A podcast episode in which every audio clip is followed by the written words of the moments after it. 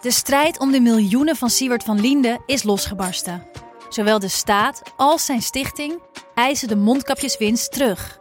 Maar dat die opbrengst in ieder geval niet thuis hoort bij Van Linde, daarover kan toch eigenlijk geen twijfel bestaan. Hoe kon het zo ver komen? Dit is het. We hebben beet. En als Siewert het geld teruggeeft, kunnen wij dit schandaal dan eindelijk loslaten? Je hoort het in de Mondkapjesmiljonairs, exclusief bij Podimo. Ga naar podimo.nl/slash mondkapjes. In de podcast Radio Romano met Noortje Veldhuizen Met Marcel van Roosmalen. En met Roelof de Vries. brengen we alle drie elke week een zogenaamde signalering mee. Wat heb jij nou weer bij je? En aan het eind bepalen we wie de winnaar van de week is. Echt een angstcultuur Lege huls die je er bent? Ja, dat gaat eigenlijk altijd onvriendelijk. Luister nu naar Radio Romano bij Podimo. Via podimo.nl slash Radio Romano luister je 30 dagen gratis.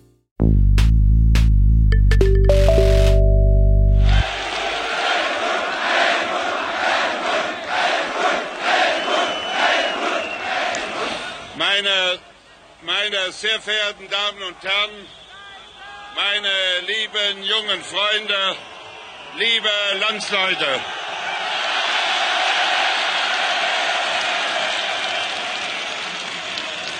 Das Erste, was ich Ihnen allen zurufen will, ist ein herzlicher Gruß all Ihrer Mitbürgerinnen und Mitbürger aus der Bundesrepublik Deutschland.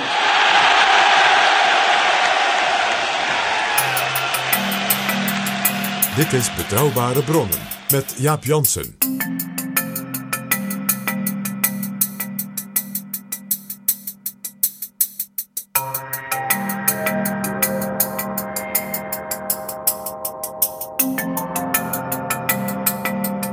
Hallo, welkom in Betrouwbare Bronnen, aflevering 72.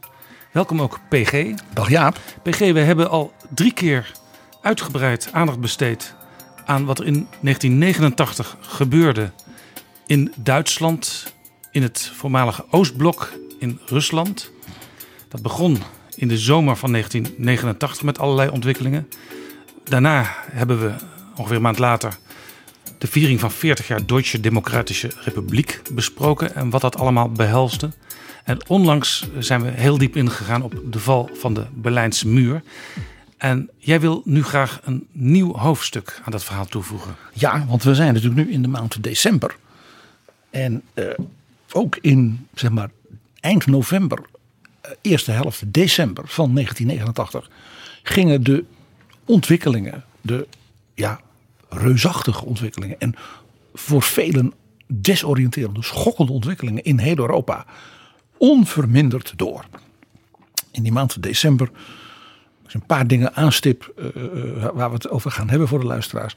Eh, Helmoet Kool, de kanselier van West-Duitsland, zoals dat is, van de Bondsrepubliek, brengt zijn eerste bezoek als kanselier aan de DDR. Onderhandelt met het regime over hoe kunnen we nu samen gaan werken. En houdt dan in Dresden een toespraak op het plein voor de ruïne van de beroemdste kerk van Dresden en misschien wel van heel Oost-Duitsland, de Ja. Op een dus heel historisch belangrijke en op dat moment ook wel, zou je kunnen zeggen, verantwoorde plek om zo'n speech te houden. En ook heel beladen, want dat plein en die ruïne vormde het, eh, zeg maar, het herdenkingsmonument ter nagedachtenis aan de mensen die bij het bombardement in Dresden, dat waren zo'n 20.000 mensen, waren omgekomen. En daar legde hij ook een krans en daarna hield hij een toespraak. En die toespraak is zeg maar, in die geschiedenis van, van de, zeg maar, de omwentelingen in Oost-Europa en met name in Duitsland een heel belangrijk moment. Nou, denk ook even aan wat er gebeurde in landen als Polen, Tsjechië met Václav Havel. En natuurlijk dramatische gebeurtenissen in Roemenië.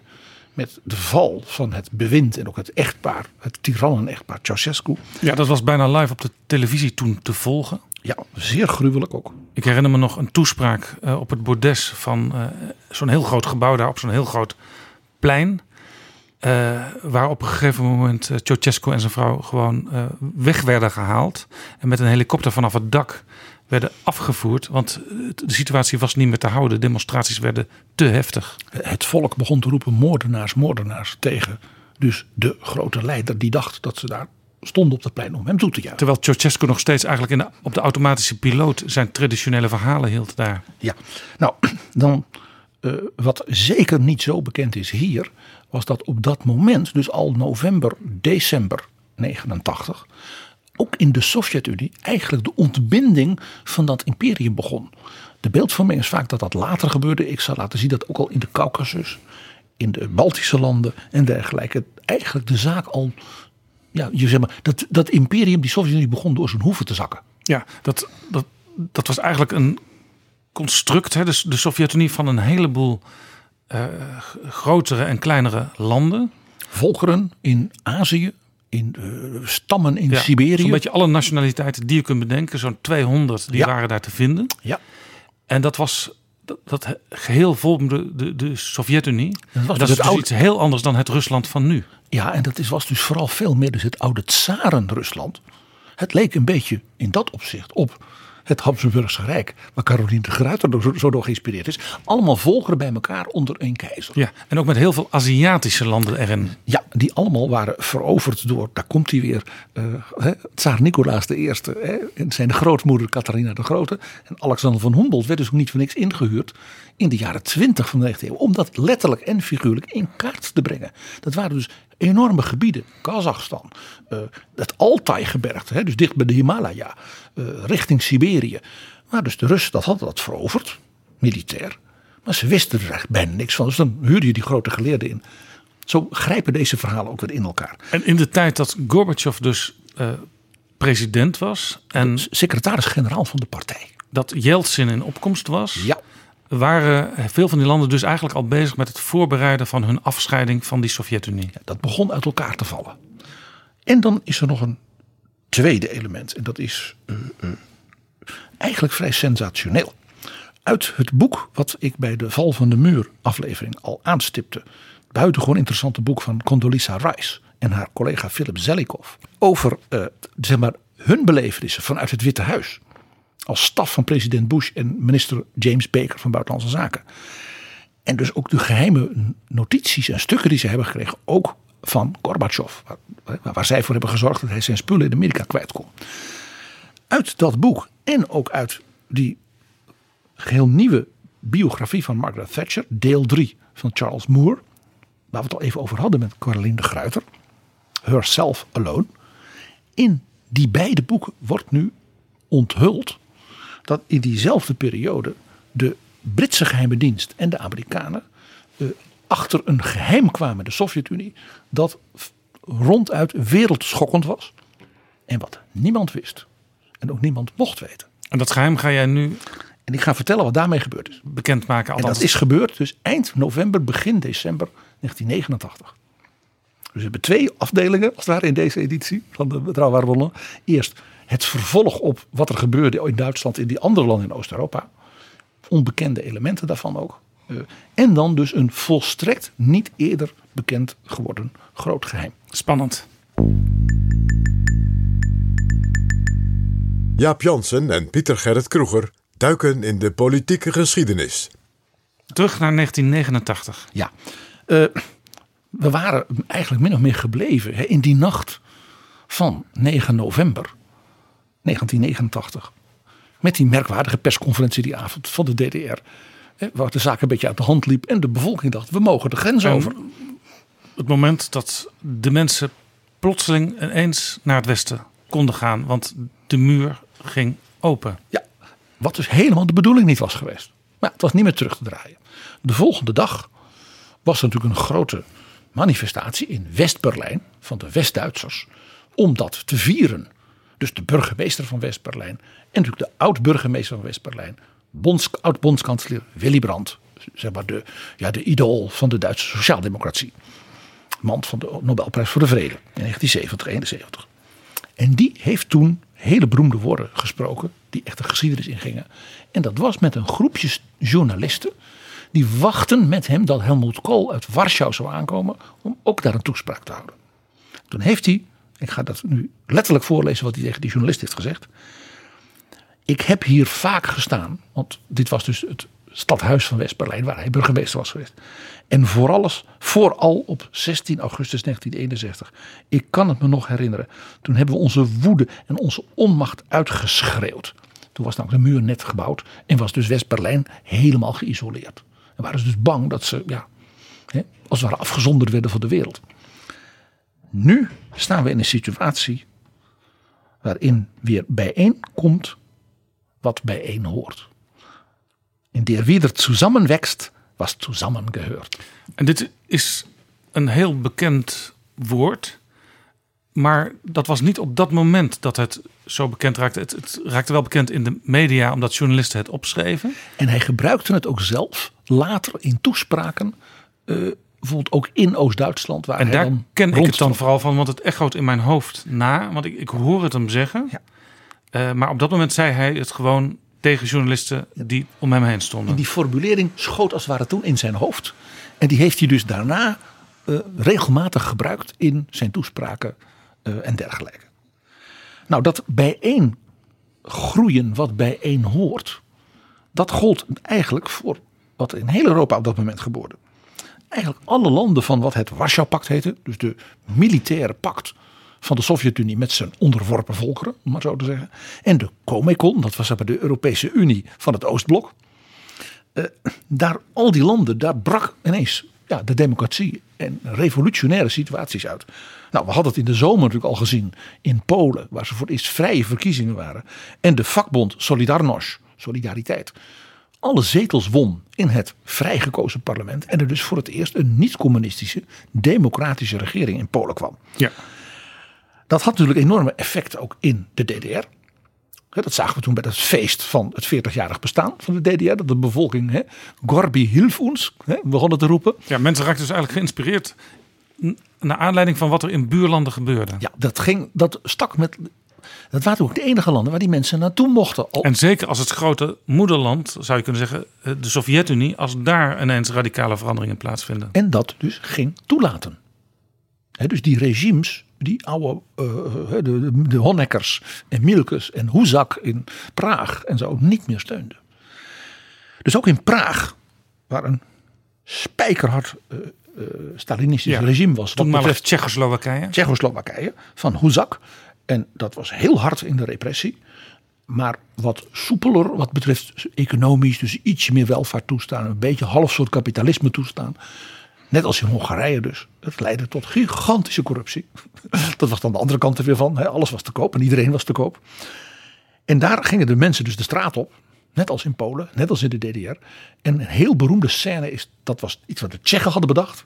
Ik zou bijna denken, Frans Kafka had het bedacht kunnen hebben. Ja. Met honderdduizenden stonden ze op het Václavplein, het Wenselplein in Praag. En alle mensen hadden hun sleutelbos in hun handen en rinkelden met die sleutelbos. Als symbool van jullie gaan de gevangenis in. Ah ja, met Het regime, slot. het regime moet worden, en de geheime dienst en de, de mensen die ons zo gemarteld hebben. ze jullie Want gaan dat geluid kenden ze zelf maar al te goed. Een aantal van die mensen die daar stonden te demonstreren. Ja. En, en, ik vind het, dit is weer bijna, net, bijna Kafka. Zo'n zo'n scène, honderdduizenden mensen met hun sleutelbos. En die werden toegesproken, natuurlijk meeslepend literair, door de toneelschrijver, dichter en het moreel geweten van de Tsjechische oppositie, Václav Havel. En nou, dat geweten, dat eh, had eigenlijk de leiding van het volk gekregen. Ja, die later natuurlijk zelf tot president werd gekozen. Ja, dat is heel bijzonder. Nog in 1989, dus het regime was ten val gebracht. Maar toen heeft men dus een vrij parlement gekozen. Dat hebben ze dus in heel hoog tempo gedaan. In november, december, op 29 december heeft dat vrijgekozen parlement, Václav Havel, eigenlijk met unanieme stemmen geloof ik, gekozen als president van dus de Vrije Democratische Republiek Tsjechoslowakije. Ja. En heel bijzonder, dat parlement koos ook een voorzitter. En dat was Alexander Dubček. Een Slovaak die in de jaren 60 de- tot de hervormers behoorde in het Oostblok. En een, het heette, socialisme met een menselijk gezicht wilde. Waar toen heel veel mensen ook hun hoop op gevestigd hadden. Maar wat niet tot wasdom kon komen. Nee, want Brezhnev, de baas in het Kremlin, en Honecker en eh, de andere leiders uit het Oostblok, die zeiden dit is gevaarlijk. En toen heeft men in augustus 1968 een militaire inval gedaan in Tsjechoslowakije en ook in de stad Praag. En is het regime van Dubček afgezet. Dus echt met militaire middelen. En kwam dus die meneer Husak als de, zeg maar, de strenge Stalinistische leider aan het bewind. Dubček eh, kreeg een baantje ja, ergens achteraf in Slowakije. Zeg maar in zijn geboortedorp, in, iets ambtelijks. En werd toen dus teruggeroepen naar Praag. Er zijn nog hele beroemde foto's van Havel en Dubček die elkaar omhelzen als ze elkaar voor het eerst zien. Zeer ontroerend. En Dubček is toen parlementspresident geworden. En heeft niet lang geleefd. Uh, dat was een oudere heer. Maar dat was een, gebaar van de Tsjechen. Ook naar de Slowaken. Waar hij de partijleider van was geweest. Maar ook naar wij willen voortbouwen op de mooie kanten. Van wat wij samen geprobeerd hebben. En toen in bloed gesmoord Ja, werd. Dat lijkt ook weer een beetje op eh, hoe sommigen in de DDR erover dachten. om toch een soort van socialisme met een menselijk gezicht te gaan vestigen. na de val van het communisme. Ja, precies. Precies. Dat was dat idee wat ook in, in andere landen leefde. We gaan een mooier, een soort menselijker communisme maken. eh, hè, met allemaal nobele dingen, ontwapening en wat al niet. Ach ja. Overigens, zelfs Bulgarije, dat bekend stond als het meest trouwe, zeg maar, Sovjetgezinde land in eh, Oost-Europa, kreeg zijn eigen democratische revolutie. Maar dat ging heel Bulgaars. Het was de partijleider zelf, die, meneer Shivkov, en die zei ja. eh, wij moeten een pluralistische democratie worden. Dus ik ga zelf vrije verkiezingen organiseren. Dus het was de communistische leider die dacht: ik hol als het ware voor de troepen uit. En dan hoop ik dat het volk eh, maar vergeet dat ik eigenlijk al die jaren de tiran was. Ja, ja, van al die ontwikkelingen, van al die gebeurtenissen in, die, in dat jaar. In al die landen herinner ik me inderdaad Bulgarije het, het minst goed. Ja, omdat daar het regime dacht: we doen het zelf maar. En toen zijn dus vrije verkiezingen gekomen. En toen, ja, toen hebben dus de communisten waren gewoon één van de partijen die meededen aan de verkiezingen. En eigenlijk hebben ze het daar op een wat soepele en voor gelet op de geschiedenis van Bulgarije zeer Stalinistisch, dus merkwaardig eh, handige manier eigenlijk uh, het gedaan. Een beetje, een beetje zoals de Hongaren. Van de Hongaren weet je dat ze, dat ze punt vrij handig zijn. Maar voor de Bulgaren was dat een verrassing. Ja. Nou ja, we, we hadden het al even over Roemenië. Uh, uh, dat was uh, natuurlijk eigenlijk het enige van de Oost-Europese landen. waar het regime eigenlijk een soort Chinese oplossing geprobeerd heeft. Dus de, op de demonstranten te laten schieten. Hè, zoals in ja. Tiananmenplein gebeurde. Wat belangrijk is om hierbij te zeggen is dat Roemenië sowieso al een aparte positie had binnen het Oostblok. Ehm, ze deden eigenlijk niet automatisch wat Moskou bedacht. Ze hadden ook hele andere uh, buitenlandse relaties. Bijvoorbeeld koningin Juliana is er nog wel eens uh, op bezoek geweest. Ja, en de westerse, Ceausescu ook in Nederland. Ja, de, de, westerse landen zagen in Roemenië een soort, een soort, soort uitzondering... waardoor je wat verdeeldheid kon, kon krijgen in het Oostblok. En de, het echtpaar Ceausescu liet zich dat ook graag aanleunen, die westerse steun... Uh, hun echte politieke vrienden waren Kim Il-sung van Noord-Korea en uh, het, het, het, China van Mao. En het is de vraag of als je de kranten van toen zou teruglezen, of van tien of twintig jaar eerder, of je dan inderdaad ziet dat wij misschien wat in het Westen wat naïef schreven over Roemenië in vergelijking met andere uh, Sovjetlanden. Uh, dat is absoluut een feit. Uh, de, de, de, de Roemenen deden alsof ze, doordat ze geïnspireerd waren door zeg maar, de bevrijdingsbewegingen als in Vietnam en China en zo, dat zij eigenlijk een soort een beter soort communisten waren. Ja, net zoals de kleine communistische partijtjes in Nederland die met elkaar concurreerden. Een van die partijen was de voorganger van de huidige SP. En je had natuurlijk altijd al de CPN die met Moskou samenwerkte, soms ook vanuit Moskou werd aangestuurd. ja, die kleine, betaald concurrerende partijtjes die, die zeiden ja wij zijn niet van Moskou dus nee. kom maar bij ons. Ja, die waren een marxistisch-leninistisch. Die haalden overigens in die tijd nooit kamerzetels. Nee, maar, en die waren vaak uh, pro-China. En... Maar wel op, op demonstraties waren ze te vinden. Ja, precies. En uh, uh, nou, dus, dus de Ceausescu's die hebben ook een beetje dus als het ware ja, getraind door hun Chinese vrienden gedacht. Nou, wij kunnen dat ook. Die hebben dus, uh, nou, die hebben dus geprobeerd die demonstraties, met name in, in Transylvanië, het gebied waar ook Judith Varga vandaan komt. En de huidige president van Roemenië, uit de Duitse minderheid, die gingen demonstreren voor vrijheid. En uh, bewind is daar toen echt nou ja, op gaan schieten. Gewoon mensen gewoon doodschieten op het plein. Uh, vanuit het idee dat schrikt wel af en de, zeg maar, de Roemeense meerderheid zal het regime wel volgen. Dat was dus een enorme denkfout, want er ontstond een geweldige solidarisering van zowel die minderheden als de meerderheid. En hele grote delen van het leger gingen overlopen. En ook zelfs van de geheime dienst. Dus naar de demonstrerende mensen. Ja, was dat, leidde, dat leidde dus tot die fameuze scène dat dus Ceausescu op dat, dat plein toesprak. En dat de bevolking met tienduizenden moordenaars, moordenaars begon. Ja, het was echt een totalitair land, Roemenië. Dus En ook heel vreed. het was heel lastig om echt te zeggen wat je werkelijk dacht. Maar toen inmiddels mensen begonnen te demonstreren en dat herhaaldelijk gingen doen, ja, toen nodigde dat natuurlijk ook uit om eh, toch misschien wat eerlijker te zijn over wat je werkelijk dacht over het regime. En toen was het snel gedaan. Het essentiële was hier, eh, eh, wat we dus ook zagen toen bij die lunch van Otto van Habsburg aan de grens van Oostenrijk en Hongarije, dat de mensen niet meer bang waren. Ja, dat was het verhaal in Betrouwbare Bronnen 46 over de zomer van 1989. Dat dus de mensen uit de DDR gewoon bij die, zich als een soort gatecrashers, partycrashers van die lunch waren en dat gebruikten om de grens over te vluchten. De mensen waren niet meer bang. En dat was natuurlijk heel belangrijk. En ze wisten ook, dat was natuurlijk ook een verschil met 10, 20, 30 jaar eerder. De wereld kijkt bij wijze van spreken live mee naar wat hier gebeurt. En hier moet de naam genoemd worden van Karol Wojtyła.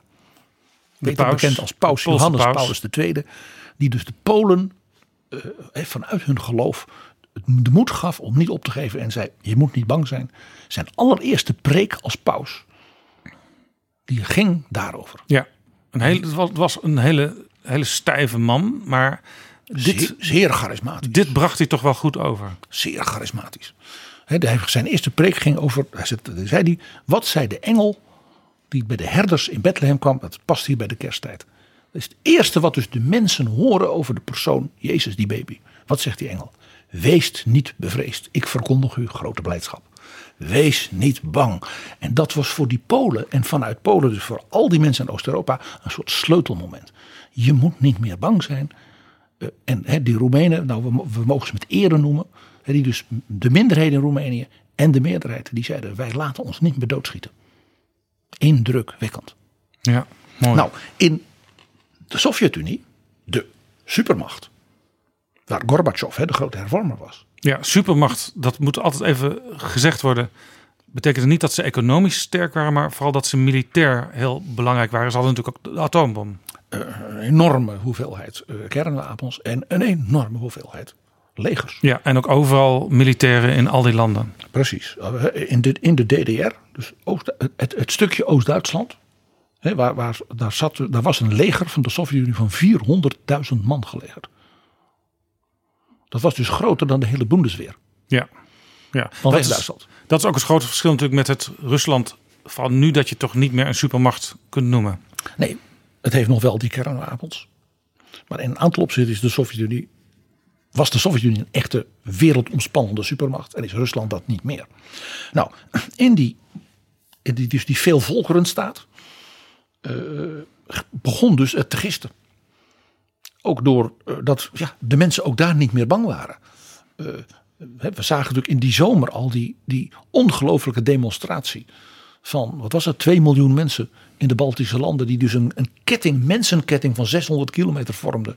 Om dus hun nationale identiteit en ook hun, de, ze de vrijheid wilden. Ja, hun eigen taal te spreken, hun eigen cultuur te beleven.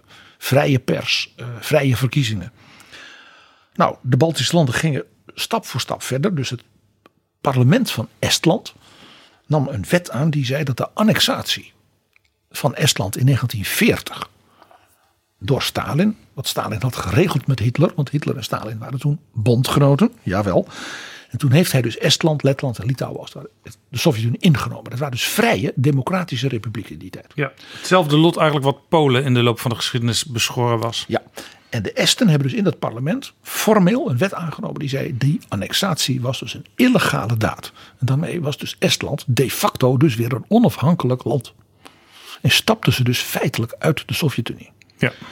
Nou, in Riga, de hoofdstad van Letland, was er een demonstratie voor onafhankelijkheid een week na de val van de muur, waar een half miljoen mensen kwam. Nou, als je nagaat, in Letland wonen geloof ik nauwelijks nog geen 3 miljoen mensen. ja, ik ben er geweest. Het is een heel overzichtelijk land. Ja. Dus als daar een half miljoen mensen op het grote plein in de stad staat, dan heb je dus zeg maar één op de vijf inwoners staat daar dus ja, en roept om vrijheid en onafhankelijkheid. Een deel waar veel minder aandacht voor is, ook in ons land en zeker in die tijd, was de Caucasus. De Caucasus is natuurlijk een heel apart deel van het oude tsaristische Rusland. Het is in feite in de 18e en 19e eeuw stuk voor stuk veroverd op in feite eh, islamitische eh, eh, heersers die er waren. Khaans, zoals dat heette. Hè, Dat woord voor koning in het Persisch. Ja, daar komt ook het woord Genghis, de naam Genghis Khan vandaan. Ik had koning Genghis. Ja. En, de, en de Khaans waren dus ook bijvoorbeeld de, de bazen op de Krim. Dat was allemaal dus islamitische heersers. De, de tsaren hebben dat dus veroverd in de loop van de 18e en 19e eeuw. En, maar ja, die volkeren, dat waren toch wilde eh, bergvolkeren, eh, vaak ook eh, nomadisch, sterk verbonden met de Perzische cultuur, met ook Midden-Azië. Ze hebben de zijderoute, denk aan gebieden als Samarkand, Bur Burka, Oezbekistan, Kazachstan. Kazachstan, daar, ook daar ben ik geweest. Eh, je ziet als je daar landt vanuit Moskou een totaal ander volk. Ze zien er heel anders uit. Maar het Sovjet-systeem, dat was een perfecte kopie van het, het zwaarste systeem wat je kon bedenken. Absoluut. Nou, een van de eerste landen in de Caucasus die zichzelf eigenlijk de facto onafhankelijk verklaarde, was Georgië. Georgië, dat is natuurlijk extra interessant. Dat was de, de geboorteland van Stalin. Juist, Stalin was geen Rus. Stalin was een Georgiër. Eh, en Stalin was een priesterstudent van de Georgisch-Orthodoxe Kerk. Stalin mocht studeren omdat hij zo prachtig kon zingen. Die zong dus in het kerkkoor. Dat is grappig, heel veel operazangers uit Amerika. Met name de zwarte operazangers, Jesse Norman en dergelijke. Die werden dus ontdekt in het kerkkoor. Wat kan dat kind mooi zingen? Ging dan naar het consortium en kon zo een grote carrière krijgen. Stalin heeft dus precies zo'n carrière gehad. Die kon dus heel mooi zingen. Een jonge sopraan. Ging dus naar het, de priesteropleiding in combinatie met zang. Want ook in die orthodoxe kerk is de zang heel belangrijk door de priesters. Dus hoe mooier een priester kan, zang- kan zingen, hoe hoger hij als het ware in de hiërarchie kan opstijgen. En nog steeds als je in Georgië komt of bij Georgische families, dan zie je soms nog een foto van Stalin hangen of staan. Want Stalin is, dat kunnen wij ons niet voorstellen, maar Stalin is toch ook een soort nationale held daar. Hij is natuurlijk de grootste Georgiër uit de geschiedenis. Ik bedoel, welke Georgiër is de baas geweest van zo'n supermogendheid? En zo'n tiran ook. En iemand die ook ja, die hele Sovjet-Unie natuurlijk eh, eh, ja, industrieel natuurlijk he- heeft, heeft gemaakt. En natuurlijk als oorlogsleider Hitler heeft verslagen. Zo wordt hij natuurlijk. Dus ja, hij wordt op een bepaalde manier ook zijn enorme held. En in, in, ik- in die zin zeg ik, ja, ik snap het wel een beetje. Ja. Stalin behoort natuurlijk tot de meest unieke figuur uit de wereldgeschiedenis. En dus ook de ironie van de geschiedenis dat Georgië zich zo snel al onafhankelijk maakte. En dat had dus te maken ook met zeg maar, Stalins jeugd. Dat Georgië eh, ook in de, in de tijd van de tsaren als in feite een, soort, een van de alleroudste christelijke koninkrijken in de geschiedenis was. Georgië, de kerkjes daar hè, en dus ook de cultuur van, hè, waarin Stalin als hè, mooi zingende jonge priester eh, hè, dus kon gaan studeren. Eh, dat had dus te maken met het feit dat Georgië eh, tot de alleroudste christelijke koninkrijken, dan hebben we het echt over de vijfde, zesde eeuw na Christus, onafhankelijk is geweest. Ook een heel eigen, dus nou ja, Caucasus christendom had. Ja, jonge priester. Ik heb foto's van de jonge Stalin gezien. Hij is echt een hele knappe jongen. Ja, hij heeft later, eh, was, was een probleem, hij heeft heel erg eh, pokken gehad, waardoor zijn gezicht heel pokdalig was. Maar de jonge Stalin was een, was een, was een knappe jonge vent. Eh, Donk, donkere uitstraling. Don- donker haar, ja. En in het museum gewijd aan het leven van Stalin in het stadje Gori in Georgië. Daar heeft een van mijn vroegere redacteuren bij Science Guide, Tim Cardol, heeft voor mij meegenomen toen hij daar op vakantie was. Hij gaat naar dat soort dingen op vakantie. Een boekje wat hij daar kon kopen met de jeugdgedichten en liefdesgedichten van de priesterstudent Stalin in het Georgisch, het Russisch en het Engels vertaald. Dat is toch weer iets anders dan de eerste drukken van Kafka waar jij eh, vorige week mee zwaaide. Ja, of, of mijn verzameling Thomas Mans en dat soort dingen. Maar eh, Tim wist heel goed dat hij, met, dat hij mij daar een enorm plezier mee deed. Dat kun je nu nog horen. Nou, ondertussen waren dus meer delen in de Caucasus waar het dus begon te gisten. Met name ook Armenië. Ook zo'n hele oude, ja, eh, vroeg christelijk koninkrijk. eh, rond Jerewan. Eh, en eh Azerbeidzjan, hoofdstad Baku. de grote oliemogendheid. Uh, en Azerbeidzjan en Armenië, die begonnen, er begon dus meteen enorme spanningen te ontstaan. Die Gorbachev ook niet meer in de greep kreeg. Er zijn enorme demonstraties ook geweest voor onafhankelijkheid en vrijheid in Baku. Uh, en ook in Armenië. Maar die waren meteen heel nationalistisch. Want uh, er was een berggebied in de Caucasus, Nagorno-Karabakh geheten waarvan zowel Armenië als Azerbeidzjan zijn, ja, dat is van ons. Ja, dat waren dus eigenlijk allebei Sovjet-staten. Maar nu speelde ineens het nationalisme van ja. eeuwen her op. En letterlijk van eeuwen her, want Nagorno-Karabakh was een soort, soort klein berggebied, wat ze alle twee claimden. En waarvan de heersers dus in, in vroegere eeuwen dus die twee tegen elkaar uitspeelden. En dan veroverden ze dat weer. Dus daar was altijd wel een soort oorlogje in die bergen. Dus wat krijgslustige volkeren zijn dat daar in de bergen. En de muur was nog niet gevallen in Berlijn. En vandaar is het, je ziet dus overal dat, dat als het uit elkaar vallen. En ja hoor, in Nagorno-Karabakh aanslagen, uh, uh, het bendeoorlogen waarbij men elkaar het leven zuur maakte. En het Rode Leger en Gorbachev konden dus er geen greep meer op krijgen. Ik ben totaal dat Nagorno-Karabakh vergeten, maar nu popt ineens weer bij mij op dat in die tijd eh, bijna dagelijks in het journaal altijd wel een berichtje was over de toestand in Nagorno-Karabakh. Het puzzelstukje kan nu weer gelegd worden in die hele grote puzzel. En die journaalbeelden, dat was jaren later. Toen was Gorbachev al lang weg. Maar wat dus bijna niemand weet, daarom vond ik het leuk om dat nu even aan te stippen. Dat dit dus echt in de weken en maanden meteen na de val van de muur al begon. Dus die, zeg maar, die implosie van de Sovjet-Unie, die wij natuurlijk later als historisch fenomeen eh, hebben meegemaakt, die begon dus veel eerder dan veel al gedacht. Eh, dus dat Gorbachev de greep langzaam kwijtraakte, was iets wat dus de andere leiders in de wereld dan ook donders goed merkten. Ja, en mensen in die landen die dus heel ver van Moskou aflagen, dachten ja, zij kunnen de boel niet meer in de klauwen houden. Dus wij gaan onze gang maar en dan kijken we hoe ver we komen. Nou ja, er was nog iets anders. Uh, bijvoorbeeld in deze hele periode was uh, president George Bush, wij zeggen nu Bush senior, die was net president. Die was natuurlijk ingehuldigd als opvolger van Ronald Reagan in januari 1989. Ja. En hij was dus nog geen president. Hij, hij wist ongeveer nu waar de lichtknopjes in het Witte Huis zaten. Nou, hij was vicepresident geweest daarvoor, maar je begrijpt wat ik bedoel. En in die zomer begon het. En nou ja, we zijn nu met de vierde aflevering van deze reeks. Eh, dus alle dagen werd de president, werd het Witte Huis weer verrast over nieuwe ontwikkelingen. En dan meldde zijn ambassadeur in Moskou, ja, er is nu een soort burgeroorlog ontstaan in Nagorno-Karabakh. Waar Bush zegt, pardon, ja. waar is dat? Geef mij de bosatlas. Juist. Nou, uh, je, je begrijpt, de Amerikanen, die zagen dus die supermogendheid Sovjet-Unie imploderen. En zagen hoe Gorbachev probeerde er de greep op te houden. En het interessante was dat dus president Bush uh, uitermate afwachtend bleef. Die had zoiets van, eigenlijk alles wat wij doen, ik zal zeggen, uh, uh, is, zou verkeerd kunnen uitpakken. Ja, het was ook een beetje terra incognita natuurlijk voor de Amerikanen. Want die hebben hun focus altijd gericht op Moskou en een beetje op hoofdsteden van andere landen, maar niet al die kleine landjes. Daar waren ze niet in gespecialiseerd, want dat hoefde niet. Want die deden toch altijd wat Moskou uitstippelde. Moskou was de baas. Het Kremlin, daar, daar moest je mee wirtschaften. Dus Bush had gemerkt hoe president Reagan, zijn, zijn chef hè, als vicepresident, samen met mevrouw Thatcher, dus die Gorbachev als het ware ja, eigenlijk uh, in de armen namen. Hij was wat argwanender hij zei, ja, die Gorbachev had wel mooie verhalen over ontwapening. En, uh, maar eh, A, hoe lang heeft die Gorbachev nog greep op dat enorme imperium?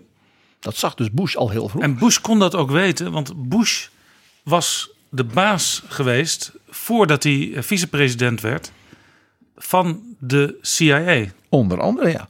En ook heel interessant, iets waardoor hij heel veel zicht had op de binnenkant van dat soort communistische dictaturen. Hij was de gezant van Amerika in Peking geweest. In de tijd, zeg maar, uh, rond de dood van Mao en de periode daarna dat dus China helemaal dicht zat. Ja, je kunt dus eigenlijk ook zeggen, geen betere president op dat moment dan iemand met deze voorgeschiedenis. Dat was heel opmerkelijk. En hij, hij, hij, hij bleef daardoor heel voorzichtig. Wikte en, en woog. Wat hij ook zei, ook tegen Helmoet Kool bijvoorbeeld, toen de muur viel. Vermijd elke vorm van westers triomfalisme. Heel belangrijk. Eh, wacht af hoe het gaat. Ondersteun de democratiseringsbewegingen in die landen. Maar doe dat low-key. Ga niet roepen het Westen heeft gewonnen. Wij zijn zo geweldig. Want dat roept eerder tegenkrachten op. En we hebben het in Peking gezien. Dat zelfs de oude Deng Xiaoping. Die toch de grote hervormer van China was. Toen dus die studenten allemaal lieten o- overal liet schieten. Uit vrees voor het verliezen van de greep. Dus de, dat idee van wat ze de Chinese oplossing noemden. Hè, wat, dus, wat dus Ceausescu Roemenië dus wel deed.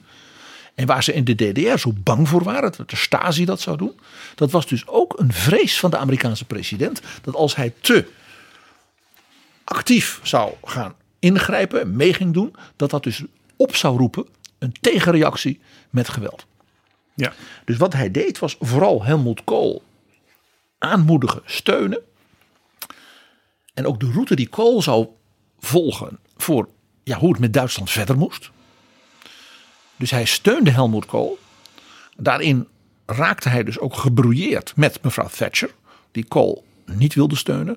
Mitterrand deed daarin wel mee. Waarom wilde Thatcher Kool niet steunen? Uh, Thatcher was om twee redenen bevreesd. Eén, zij zag een soort nieuw en machtig en triomfalistisch en misschien wel militaristisch Duitsland ontstaan. Zeg maar het oude Britse beeld van de moffen. Ja, echt. Een, dat was een obsessie. Beetje Dead's Army en Don't Mention the War. Ja, een beetje, dat was een obsessie van haar. Uh, dat besprak ze dan ook met mensen als Mitterrand. Mitterrand probeerde haar wel te begrijpen, te beïnvloeden, maar dat lukte toch niet heel erg. Ja, want het eerste land wat altijd last heeft gehad van Duitsland in de Europese geschiedenis is Frankrijk geweest. Inderdaad. En er was nog een reden waarom uh, zij zo tegen de aanpak van Kool was. Kool zei dat het nieuwe Duitsland dat nu gaat groeien. Nu groeit samen wat, bij, wat samen hoort. Aan haar brand. Brand was een enorme steunpilaar voor Helmut Kool in die tijd. Tegen zijn eigen partij, de SPD. Interessant genoeg. En Kool zei, we kunnen dus dat Duitsland op een goede manier bijeenbrengen. Democratisch, westers, bevriend met zijn buren in een sterke EU. En daarvoor had hij natuurlijk een ondersteuner en een man die dat helemaal kon, ja, kon bouwen. En dat was Jacques Delors. Elmar Brok, hè, die al tegen ons zei: zonder Delors geen Duitse hereniging. Dus Delors en Kool die werkten enorm samen. En Thatcher was natuurlijk buitengewoon argwanend naar de plannen van Delors. Een economische, monetaire, politieke unie waarin Duitsland, als er in Duitsland, Duitsland in Europa op zou gaan. Maar Thatcher zei, ja, maar dat betekent dat dus Brussel en die Delors de grote machthebber wordt. En dat wil ik niet. Dus zij had een reden uit vrees, ook uit haar jeugd, voor een weer oppermachtig Duitsland. En ze had een vrees voor een Duitsland dat dus geen oppermacht wilde. En dus als het ware in een Europees verband van vreedzame naties samen ging werken. Dat wilde ze eigenlijk ook niet. Nee. En, en daardoor zat Thatcher dus klem in haar strategie. Ja. En dat leidde dus in november 1990, daar komen we volgend jaar vast over te spreken, tot haar dramatische val als, als premier van Engeland. Ja, en Thatcher die was oorspronkelijk wel heel Europees gezind, maar dat was dan vooral het Europa van de handelssamenwerking. Zij was een enorme bewonderaar van Jacques Delors met het thema van de interne markt. De act uniek. Achteraf zei ze, zei ze, ik ben toen naïef geweest. Ik dacht dat die Delors, die gaat dat mooi maken met die markt. En dat is wat wij Britten allemaal willen. En hij, zei dat ook. Maar toen kwam hij ineens, ja, maar in een markt moet je wel sociale afspraken maken. En toen wou hij dus de vakbonden erbij halen. Delors ging natuurlijk polderen. Iets wat Kool, typische Rijnlandse model, helemaal begreep. Maar Thatcher niet. President Bush steunde Helmut Kool. Mitterrand deed dat ook, zei het met enige voorzichtigheid, maar die hadden heel veel contact. Helmut Kool had dus, laten we er niet omheen draaien, geen plan. Die muur was gevallen. Het ging te snel. Ze hadden geen idee. Ze waren er niet op voorbereid. Dus hij kwam toen met die tien punten. Weet je wel, dat we dan misschien over 15 jaar een soort federatief verband. Prachtig. En eigen verkiezingen en zo. En naast elkaar leven in, in gezamenlijkheid. Ja. Dat wel die DDR wel in de EU zou komen. Maar eigenlijk is het een soort zelfstandige staat. Maar dan gaan we voor het milieu gaan we wel alles samen doen. Als universiteiten gaan samenwerken. Eigenlijk een beetje dus het oude model van Jean Monnet. Voor het maken van Europa. Begin met de, de landbouw. De industrie, de universiteiten, de cultuur. Dat was de droom van Monet. Van zo gaan die Europese landen elkaar begrijpen. Gaan ze nooit meer oorlog voeren. En dan wordt het uiteindelijk één. En het grappige is dat Kool deze droom ook uit zijn jeugd. Hij was natuurlijk een enorme Europese idealist uit die tijd, de jaren 50. Dat hij dat als het ware vertaalde naar dus die komende eenwording van Duitsland. Maar waar hij had, hij had dus geen idee hoe, wanneer en de tussenstappen. Dus hij ging improviseren. En, ja, en hij was het dus eens ook met, eigenlijk met Bush, die zei: rustig aan, irriteer ze niet, want ze moeten het zelf willen en het moet op een gegeven moment een soort natuurlijk proces worden. En zo dat Gorbachev mee kan blijven doen. En niet dat Gorbachev uit angst voor het verval van de Sovjet-Unie, die, die, wat ze dus zagen, Ja, en met, zijn hak in het zand gaat gooien. met de radicalinskis, de, de, de opperbureaucraten in zijn nek, die meekeken en eigenlijk vonden dat Gorbachev al veel te ver ging in zijn toegevingen. En natuurlijk de generaals van het Rode Leger. Jawel. Nou, dus eh, het belangrijkste doel van Helmut Kohl op dat moment was wat ik in de gesprekken waar ik eerder over vertelde met de Berlijnse CDU, de, de, de CDU-politici, waar ik dus tot volkomen toeval op bezoek was hè, toen die muur viel, eh, dat ze eigenlijk voor één ding ongelooflijk bang waren. Dat die DDR volledig ging instorten. Dus een gezagsvacuum, economisch een vacuüm. En dus dat iedereen die bij wijze van zeg maar, gestudeerd had en een, en een baan had, zijn koffer zou pakken en meteen naar West-Duitsland zou gaan. En daar ja, een uitkering ging vragen. Of een baan of een pensioentje als oude, oude dame. Uit angst voor de instorting van hun land. Ze waren als de dood. Er dus miljoenen Duitse burgers van de DDR. Die erkenden zij als landgenoten. Ja. Die moest je dan dus. Ja, niet, En dat was te doen als er af en toe eens een paar eh, toch nog over die muur kwamen, wat eigenlijk niet meer kon. Dan kon je dat makkelijk zeggen. Maar ja, Ja. als de muur ineens open was. En er komen 2 miljoen mensen. Dus ze waren als dood voor een instorting van de Duitse sociale zekerheid. Het pensioenstelsel, de ziekenhuizen, eh, de scholen. Eh, En natuurlijk zeker in West-Berlijn. Dat altijd, daar zat altijd een muur om, tenslotte. En nu ineens kon iedereen zomaar naar West-Berlijn. Dat was wel heel mooi, die vrijheid en de nationale eenheid. En men viel elkaar in de armen. Maar tegelijkertijd wa- waren dus de politici als de dood. dat dit zou leiden tot een volkomen chaotische toestand. Nou, massale vlucht was men bang voor. Men was bang dat de Stasi dan een soort staatsgreep, hè, dus de Chinese oplossing. En men was bang dat dus de communistische partij, geleid door de nieuwe jonge leider Gregor Gysi, die nog altijd actief is. Ja, die wij in, in een van die vorige afleveringen eh, hebben kunnen horen met een toespraak. Tot de demonstrerende DDR-burgers. En daar hoorde je ook dat die Gregor Gysi eh, charisma had. En al bezig was t- zich weg te bewegen hè, met, met zijn aanhang binnen de communistische partij naar iets half democratisch. Hij was toen al, tot de dag van vandaag is hij dat buitengewoon wel bespraakt en extreem slim. Eh, het is een van Machiavelli's beste leerlingen in de geschiedenis. Ook een graag geziene gast al snel toen in de televisieshows. Alle praatprogramma's, tot de dag van vandaag. En waar dus Kool, de CDU, dus bang voor was, was dat dus de SPD, dus de Duitse Sociaaldemocratie, die waren toen de oppositie, en dus deze, zeg maar, Gysi en zijn aanhanger, de DDR, een soort linkse Duitse eenheid zouden gaan doen. Waardoor het meteen de grootste partij kon worden van het land. Ook dat, dat vond de CDU natuurlijk ook niet zo'n leuke gedachte. Dat kun je je iets bij voorstellen, partijpolitiek. Maar nog iets dat zij zeggen, ja, dat nieuwe Duitsland, dat moet een land van vrijheid en ontwapening. En moet dan uit het Warschau-pact en een West-Duitsland uit de NATO. Een soort neutraal Duitsland. Maar die SPD, dat was ook de SPD van Helmut Schmidt. Die Ja. toch eh, echt een NAVO-aanhanger was. En van Willy Brandt. Maar die waren alle twee natuurlijk uit de macht in die partij. En de nieuwe partijleider was toen, die naam hebben we al eens eerder laten vallen, Oscar Lafontaine. En die was toen al eigenlijk voor, nou ja, een neutraal Duitsland onder zijn leiding. Ja, dat zag je wel zitten. Je begrijpt dat een man als Mitterrand en een president van Amerika, en een, eh, maar ook de regering in Polen en in Nederland, Die hadden dat door. die vonden dat idee verschrikkelijk. Een neutraal Duitsland dat dus niet in blokken zat. maar dus wel dan een eigen leger. Dat hebben.